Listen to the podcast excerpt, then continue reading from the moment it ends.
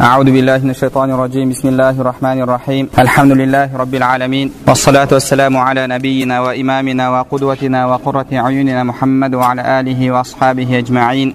اللهم لا سهل إلا ما جعلته سهلا وأنت تجعل الحزن إذا شئت سهلا. رب يسر ولا تعسر رب تمم بالخير. رب اشرح لي صدري ويسر لي أمري واحلل عقدة من لساني يفقه قولي. اللهم علمنا ما ينفعنا وانفعنا بما علمتنا.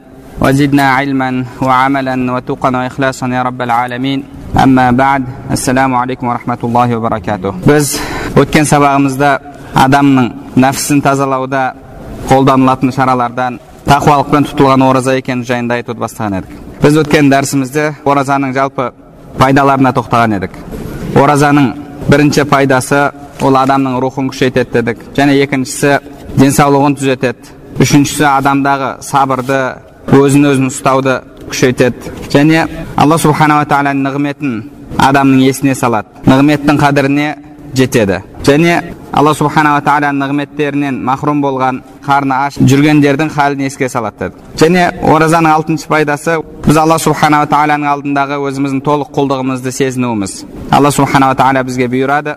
Не үшін таң атқаннан күн батқанға дейін ішпей жүреміз. Онда қандай сыр бар не үшін таң атқаннан бастап не үшін күн шыққаннан емес деген сияқты сұрақтарды қоймайды. Алла субханала тағала бұйырғаннан кейін самиана ва атана естідік те бойұсындық деді. Яғни бұл мұсылман адамның алла субханала тағаланың бұйрықтарына деген міндеті. Адам алла субханала тағаладан бұйрық келетін болса неге не үшін деп талқыға салмайды. Хикметін іздеу тұрғыдан біз одан қандай пайда аламыз деп пайдасын іздеуге болады. Мысалы кез келген құлшылықтан иншалла бізге бұл дүниеде о дүние пайдалар бар. Енді бұл дүниеде қандай пайдалары бар? Оны іздеуге яғни құлшылықтың хикметін іздеуге болады. Ал бірақ оған қарсы тұрып талқыға салуға болмайды. Алла субханала тағала бізге жүктеген кез келген құлшылығында хикмет жатыр. Яғни бір даналық жатыр. Біз үшін қоғам үшін бір пайда жатыр. Оны іздеуге болады. Оны іздеу арқылы адамның иманы күшейеді. Және оның пайдасын түсінген кезде оған бойұсынуы одан да жеңілірек болады. Ол тұрғыдан болады. Мысалы ибраһим алейхисалам алла субханала тағалаға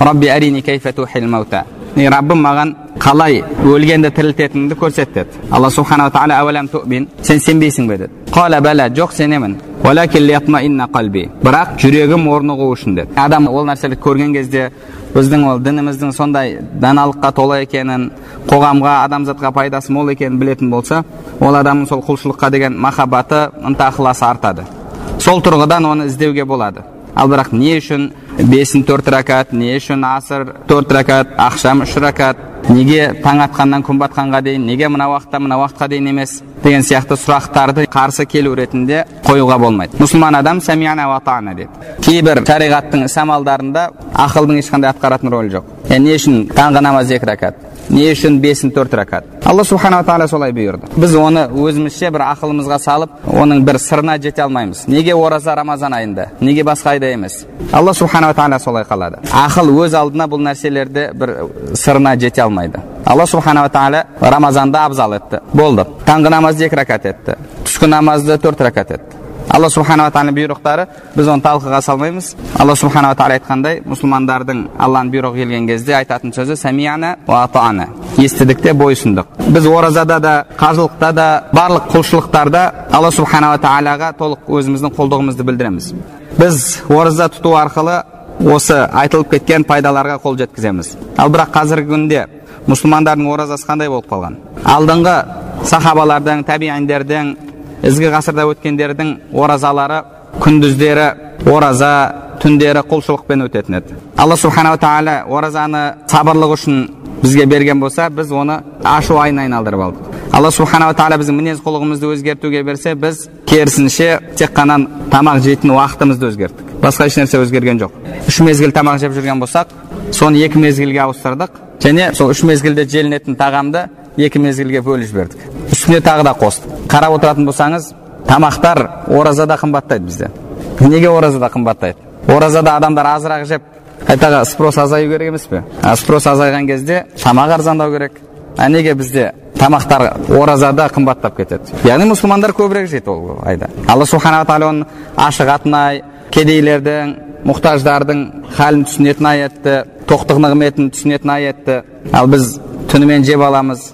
Кешке дейін кекіріп сіңдіре алмай жүреміз кейде жазда сәл қиналатын шығармыз шөлдеуіміз мүмкін бірақ тамақты соншалықты жейміз кешке дейін зорға сіңдіреміз алла субханала тағала оны шәһр сиям қылса ораза айы етсе біз шәһр таам қылдық оны тағам еш нәрсе өзгерген жоқ ондай ораза алла субханала тағала бұйырған ораза емес ол ләалләкум таттақун тақуалыққа тәрбиелейтін адамды өзгертетін ораза емес ол ораза адамды өзгертетін шынайы тақуалыққа жеткізетін ораза қандай болу керек ғұламаларымыз оразаны екіге бөледі саумул умум дейді және хусус умум яғни жалпы адамдардың оразасы жалпы адамдардың оразасы тек қана сол тамақтың уақытын өзгерту басқа еш нәрсе өзгермейді бұл жалпы адамдардың оразасы ол ұрысып та жүре береді айқайласып та жүре береді еш нәрсе өзгермейді ода тек қана таң атқаннан күн батқанға дейін тамақ жемейді су ішпейді осы ғана істеп жатқаны басқа еш нәрсе істеп жатқан жоқ бұны ғұламаларымыз жалпы адамдардың оразасы дейді саумул умум бірақ алла субханала тағаланың бізге бұйырғаны саумул емес саумул хусус. Жеке адамдардың яғни ерекше бір адамдардың оразасы.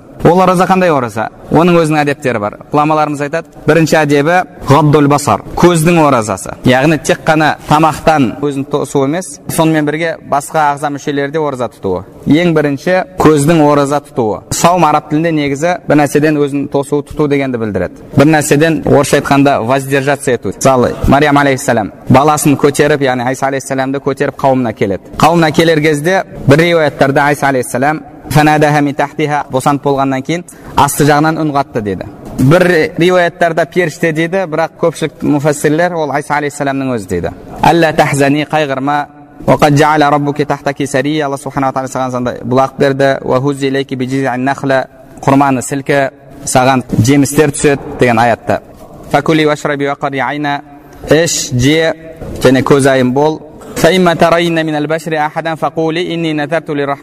енді бір адамдарды көретін болсаң айт мен оразамын деп айт деді а ол жеп ішіп алғаннан кейін қандай ораза бұл жерде ораза яғни яғни ораза тұту деген бұл жерде адамдармен сөйлесуден өзін тоқтату ораза деген кезде тек қана адам өзін тамақтан судан емес жалпы басқа нәрселерден де тосуы керек бірінші тосу керек болған нәрсе көзін бос нәрселерден макрух болған харам болған нәрселерден жүректі ауытқытатын жүректен алланың зікірін шығаратын жүрекке басқа нәрселерді кіргізетін бос қараулардан тосу керек. Пайғамбарымыз саллаллаху алейхи уассалам өзінің хадисінде айтады. Қарау дейді яғни взгляд шайтанның улы оқтарынан дейді. Шайтанның улы оқтарынан сәхім деген садақтың оғы алла оны лағнат етсін кімде кім алла субханала тағаладан қорқып харам нәрсеге макрух болған нәрселерге қарауды тастайтын болса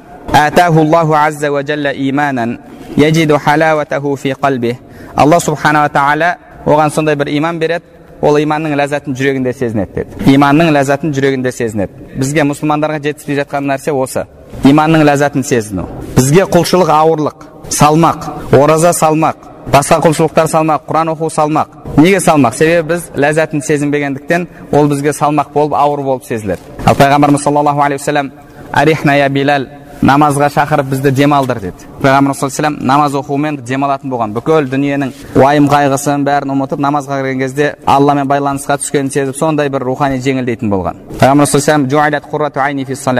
менің көз айым болуым намазда сондай бір қуанышқа бір ерекше халге түсу ал біз керісінше намаздың уақыты келсе бір ауырлық сеземіз бағана ғана оқыған едім деп барып дәрет алып намазға тұру біз үшін бір ауыр нәрсе.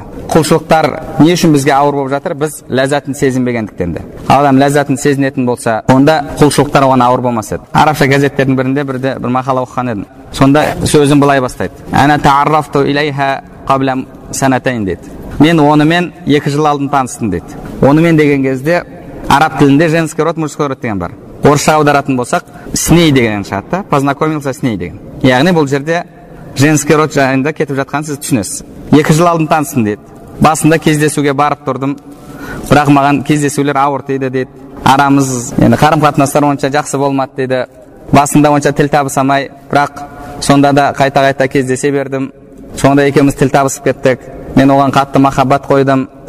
Күнде түнде кездесетін болдым. Жаңбыр демеймін қар демеймін. Адамдардың бәрі ұйқыға кетсе мен сонымен кездесуге асығатын болдым. Ол да маған өзінің біраз сырларын ашты деп сөйтіп келтіреді. Яғни оқыған адам ойлайды бір әйел жайында қыз жайында кетіп жатқан шығар әңгіме деп. Сонымен айтып айтып келеді да соңында исмуха деді. Оның аты салатул ләйл дейді түнгі намаз деді.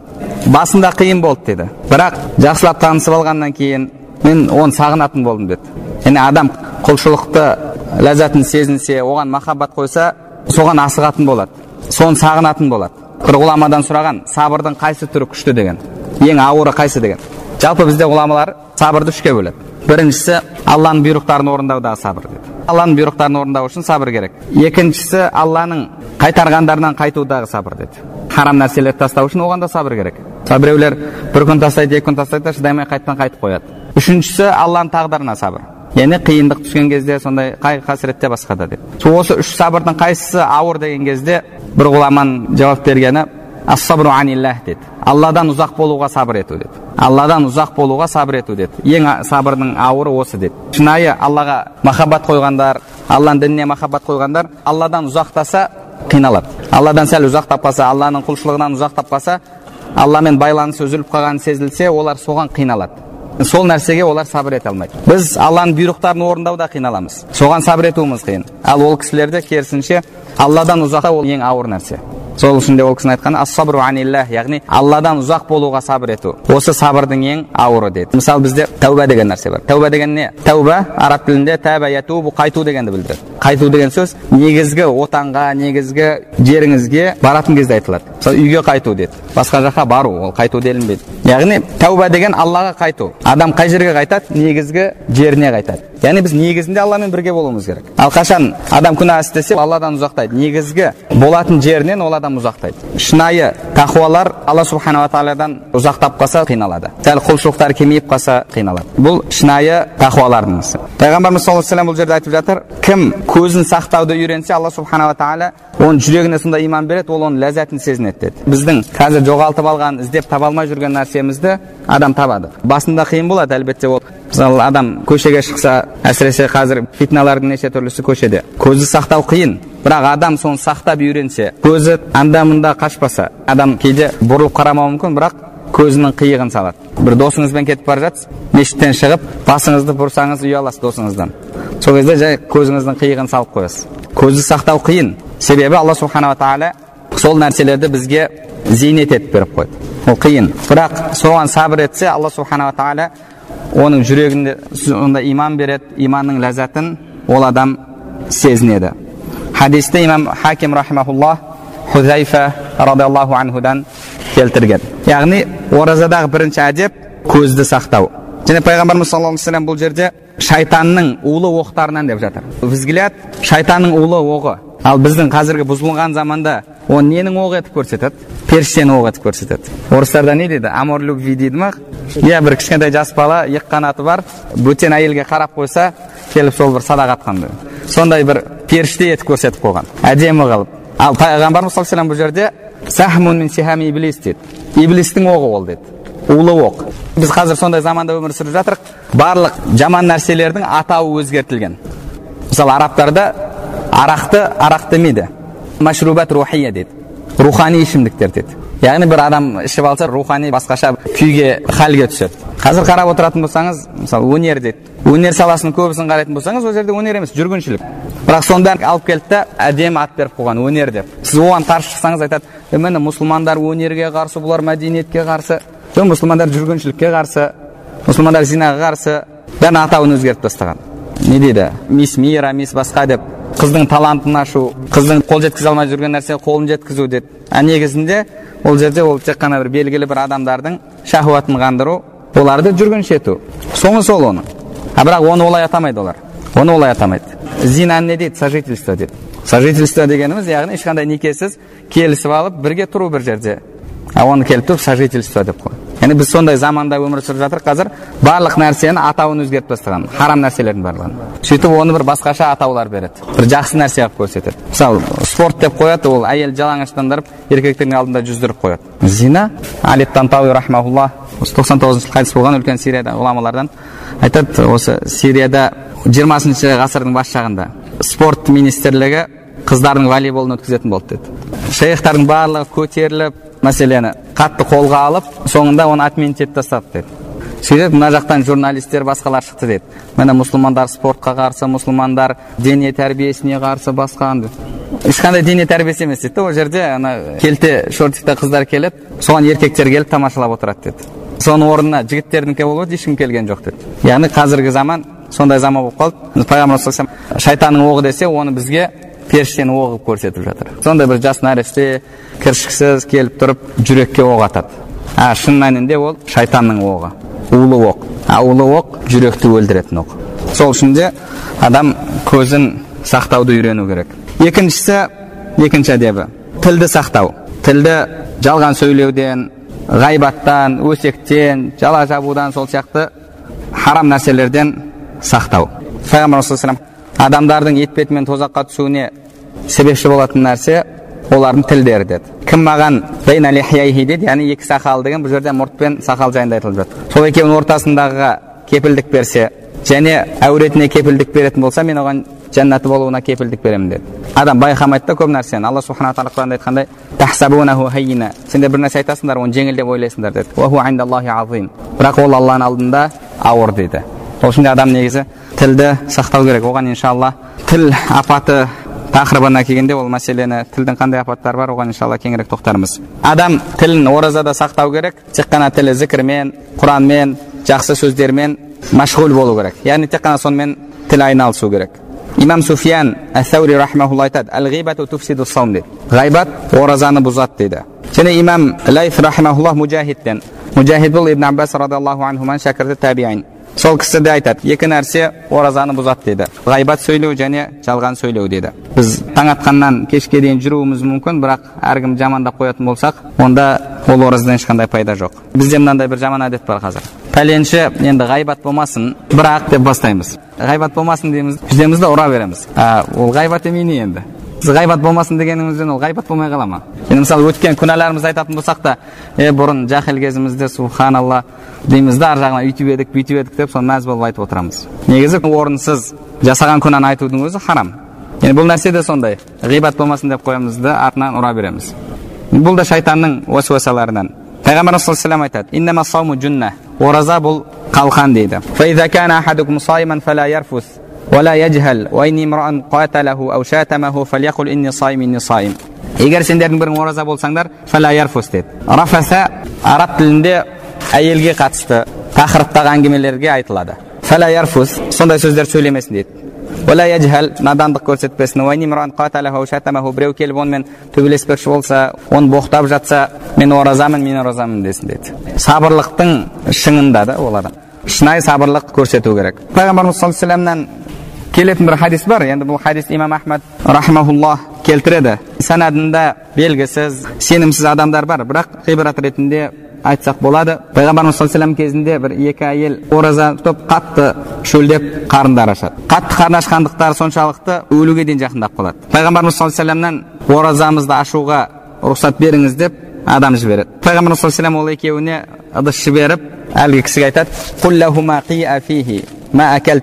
жеген нәрселерін құсыңдар деп айтады فقالت إحداهما نصفه دما عبيطا ولحما غريضا وقالت الأخرى مثل ذلك حتى ملأتاه فعجب الناس من ذلك мынау құсат қан аралас ет аузынан түседі екіншісі де тура солай істейді сөйтіп ыдыс толады адамдар таң қалады қалайша бұл қарны аш асқазан бос сонда пайғамбарымыз саллаллаху алейхи бұл екеуі алла субханала тағала оларға халал еткен нәрседен өздерін тосты яғни ораза тұтты бірақ алла харам еткен нәрсемен ауыздарын ашып жүрген еді деді قعدت إحداهما إلى الأخرى فجعلتا تغتابان الناس فهذا ما أكلتا من لحومهم ол екеуі отырып алып адамдарды ғайбат етті деді отырып алып адамдарды жамандады әйелдер де осы енді қазір еркектер де әйелдерден қалыспайды ғой бірақ жалпы әйелдерде бұл нәрсе көбірек болып жатады сол үшін де оразада осы нәрсеге сақ болу керек және үшінші әдебі құлақтың оразасы құлақпен тек қана пайдалы нәрселерді есту керек харам нәрселерден құлақты тосу керек макрух нәрселерден алла субханала тағала құран кәрімде харам жеушілер және жалғанды тыңдаушылар деді харам жеу үлкен күнә сол сияқты жалған сөз тыңдау ғайбат тыңдау басқа соны алла субханала тағала осымен теңестіріп тұр. Харам нәрсе жеу ол үлкен күнә. Сол сияқты харам нәрсе есту де ғайбат тыңдау да үлкен күнә. Алла субханала тағала құран кәрімде адамның көзі құлағы ділі бұның бәрі ертең алланың алдында осы нәрселерден де сұраламыз. Алла субхана тағала құран кәрімде айтады. وقد نزل عليكم في الكتاب أن إذا سمعتم آيات الله يكفر بها ويستهزأ بها فلا تقعدوا معهم حتى يخوضوا في حديث غيره إنكم إذا مثلهم сендерге кітапта нәзіл етілді деді егер алланың діні мазақ етіліп жатса күфірлік келтіріп жатса шариғатта рұқсат етілмеген нәрселер айтылып жатса олармен отырма дейді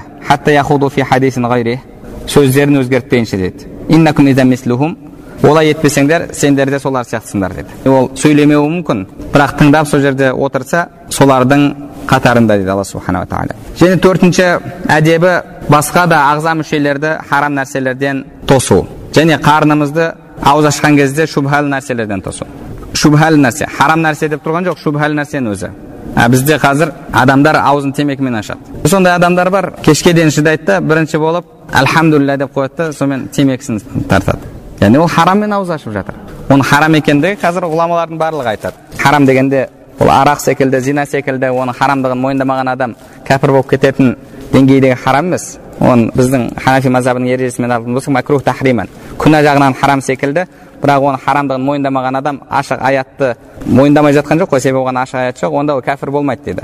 Бірақ күнә жағынан харам секілді. Оразаның әдептерінен шубхал нәрсемен ауыз ашпау харам былай тұрсын. Бұл адам кім сияқты? Мысалы ауру адам емделу керек дәрі ішу керек. Енді дәріні көп ішіп қойса онда ол зиян. Мысалы ол күніне бір таблетка мынанша сағаттан кейін екінші таблетка үшінші таблетка деп оны бөліп береді. Оның бәрін алып тұрып бірден жұта салса оған пайда болмайды керісінше зиян болады. Енді ол адам дәріні көп ішуден қорқып бәрін ішіп жіберуден қорқып орнына у ішетін болса ол адам ақымақ адам. Себебі дәріні көп ішіп жіберсе зиян. Ал бірақ бөліп бөліп ішетін болса оның пайдасы бар. Ал у оны аз ішсең де көп ішсең де ол зиян. Ораза тұтқан кезде алла субханала тағала халал еткен тағамды азайтамыз халал тағам ол рұқсат етілген тағам оның зияны көп ішумен болады қазақта ақыл жастан ауру астан дейді соңында ол ауру болады пайғамбар саллаллаху ораза тұтыңдар денсаулықтарың түзеледі деді ораза сол тамақты азайту үшін енді біз адалды тастап орнына харам жейтін болсақ онда біз әлгі адам сияқтымыз адал тамақ көп ішсек зиян ал харам тамақ ол өз алдына зиян күнімен ораза тұтсақ тамақты азайту үшін бірақ кешке кеш болған кезде шубхалы болған харам мен харамнан тапқан тамақпен ауыз ашып жатсақ онда оразамыздан ешқандай пайда болмайды пайғамбарымыз саллаллаху алейхи уассалам қанша ораза тұтушылар бар олардың оразасынан алатын пайдасы немесе оларға қалатын нәрсе тек қана қарындарының ашулары және шөлдеулері дейді хадисте имам насаи ибн мажалар әбу хурайра радиаллаху анхудан келтіреді тәфсирінде ғұламаларымыз ол хараммен ауыз ашатын адам дейді және екінші бір тәфсірі ол адал тамақтан өзін тосады бірақ адамдардың етін жейді. Яғни ғайбат сөйлейтін адам. Және сондай ақ тағы бір тәфсірі ол аузы ораза болғанымен басқа алла харам еткен нәрселерді істеп жүре береді. Әйелге қосылмайды тамақ су ішпейді бірақ басқа харам нәрселерді бәрін істей береді. Міне бұл нәрселерді істеп жатқан адамдардың оразасынан тек қана шөлдеуі қалады және ашығуы қалады. Одан басқа ешқандай пайда жоқ. Ол ойлайды керемет мен өзіме сауап жинап қойдым о дүниеге отправка жасап қойдым деп ойлайды бірақ ертең қияметте алла субханала тағала айтады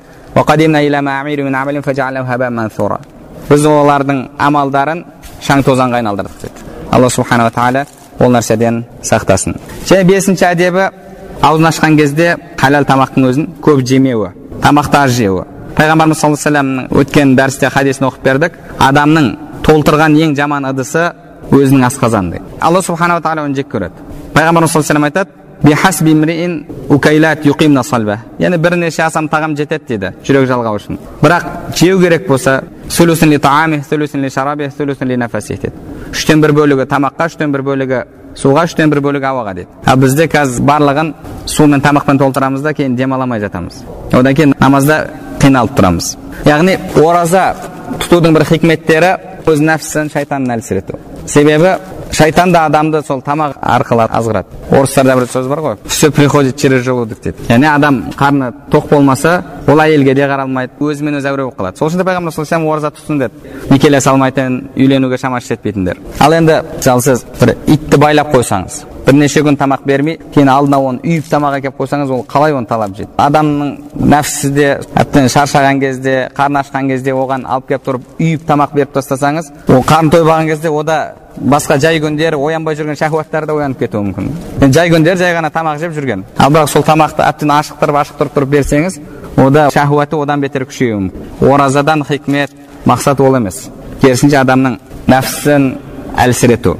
Және алтыншы әдебі кешке ауыз ашқаннан кейін алла субханала тағала менен қабыл етті ме етпеді ме алла бұйырғандай ораза болды ма деп ойланып соның қамында болу деді бір күні хасан бусри рахмаулла бір топ адамдардың жанынан өтеді олар аузын ашып күліп мәз болып жатқан кезде хасан бусри рахмаулла айтады فيه لطاعته فسبق قوم ففازوا وتخلف قوم فخابوا فالعجب كل العجب للضاحك اللاعب في اليوم الذي فاز فيه السابقون وخاب فيه المبطلون алла субханала тағала бұл оразаны адамдардың сондай бір жақсы амалдарда жарысатын мезгіл уақыт етті деді енді біреулер озды да жеңіске жетті екінші біреулер қалып қалды да жеңіліске ұшырады деді жеңуші адам жеңісімен қуанады жеңілуші адам жеңілісімен қайғырады тура сондай кезде сендерге таң қаламын деген екен да алла қабыл етті ме қабыл етпеді ме қайдан білесіңдер деген екен бұл жалпы оразаның ішкі әдептері осы нәрселер болмаса онда біздің оразамыздың пайдасы аллаху алям болмайды енді мынандай сұрақ тууы мүмкін неге енді фих ғұламалары оразаның шарттары деген кезде тек қана таң атқаннан күн батқанға дейін жыныстық шахуаттан және ішу жеу шахуаттан өзін тосу деді. Яғни сол нәрсе орындалса онда ораза орындалды деп айтады. Қалайша? А енді мына жақта біз мынанша шарттарды үйіп қосып тастадық. Фих кітаптарында қарайтын болсаңыз ол жоқ. Қалайша? Олар айтады ораза деген осы дейді ғұламалар бұған жауап береді. Фих ғұламалары мәселенің тек қана сыртқы жағынан қарайды. Және одан кейін фихта қаралатын мәселе мысалы басқа масих тарту. Оның қаншасына тартсақ біздің дәретіміз дәретке жүреді. Мәселенің минимальный жағын қарайды. Бастың төрттен бір бөлігіне масих тартсаңыз ханафи мазхабында сол жеткілікті. Шафи мазхабында үш төрт тал шашқа тартсаңыз сол жеткілікті. Имам шафидің өзі үш төрт тал шашқа масих тартып қой болды демейді. Бірақ ол соңғы жерін қарайды. Яғни нені істесек біздің мойнымыздан түседі сол нәрсе. Мысалы дәреттің де парыздары сүннеттері бар. Бірақ парыз сүннет деп бөлу сүннетін орындама деген сөз емес қой. Фих ғұламалары жалпы барлық адам шыдай бермегендіктен де мәселені ең соңғы несін қарайды. Және олар көбінше тек қана сыртқы жағына қарайды. Ал нәпсін тазалау білімінде біз ибадат құлшылықтардың тек қана ішкі әдептерін айтамыз. Фих ғұламалар қабыл болу деген кезде мойнынан түсуді айтады. Ораза сіз таң атқаннан күн батқанға шейін тұтсаңыз бірақ мына әдеттерді орындамасаңыз да мойныңыздан түседі. Бірақ нәпсін тазалау ғұламалары қабыл болу деген кезде мақсат әл мақсуду минал қабул әл усул дейді. Яғни қабыл етілді дегеннен мақсат мойнынан түсу емес жету дейді көзделген жерге. Тақуалыққа жету тек қана мойнынан түсіру емес. Мысалы біз қазір хушусыз ойымыз әр жерде тұрып намаз оқуымыз мүмкін ол намаз мойнымыздан түседі. Құптан оқылды. Бірақ ол намаз бізді жамандықтан тыяды ма яғни алла бұйырғандай сондай бір қорқынышпен үреймен оқылған намаз ба? Ол басқа мәселе. Уляма нафс ораза деген кезде ораза тұту арқылы періштелерге ұқсау деді себебі періштелер ішпейді жемейді. Періштелерге жақын болу. Періштелер аллаға жақын. Аллаға жақын болғандарға жақын болу ол аллаға жақын болу. Сол үшін де қабыл болды қабыл болмады деген кезде яғни сол тақуалықтың артуы көзделген жерге жету алла субханала тағала жету алла субханала тағала жақын болу осы мәселе айтылады. Сол үшін де ғұламалар айтқан сөз бар қанша ораза тұтып жүргендер бар бірақ аузы ашық. Қанша аузы ашықтар бар бірақ ораза тұтып жүргендер яғни біреулер бар ораза тұтып жүреді бірақ аузы ашық. Яғни ол әлгі әдептерін орындамайды әркімді ғайбатта басқарып жүреді. Екінші бір адамдар бар аузы ашық бірақ ораза тұтып жүрген адам секілді деді. Ол өзін әлгіндей харам істерден сақтайтын адам. Бізде бұл дәрісте жалпы қабыл болу деген кезде сол ғибадаттан күтілген нәтижеге жету сол мақсатқа жету сол нәрсе айтылады. Мойнынан түсу емес. Пайғамбарымыз саллаллаху алейхи уассалам өзінің хадисінде деді. Ораза бұл аманат аманаттарыңа бекем болыңдар аманаттарыңды сақтаңдар қиянат жасамаңдар дейді хадисте имам хараити рахмаулла ибн масуд радиаллаху анхудан хасан иснатпен макарим ахлақ атты кітабында келтіреді яғни бұл оразаның өзі де алланың бізге берген аманаты бұл аманатты сақтау керек алла субханала тағала бізге бұйырғандай етіп тұту керек ол тек қана рамазанның оразасына қатысты емес нәпіл оразалар көп айлар бар. Соның бәрінде де иншалла осы әдептер сақталу керек. Сол кезде біз тақуалыққа жеткендерден боламыз. Оразаға қатысты аяттан кейін артынша егер пенделер мен жайында сұраса айт мен жақынмын олардың дұғаларын қабыл етемін деді. Біз иншалла сол аллаға жақын болған дұғалары қабыл болғандардан боламыз алла субханала тағала бәріміздің тақуалығымызды асырсын құлшылықтарды алла бұйырғандай шынайы түрде жоғары деңгейде орындаушылардан етсін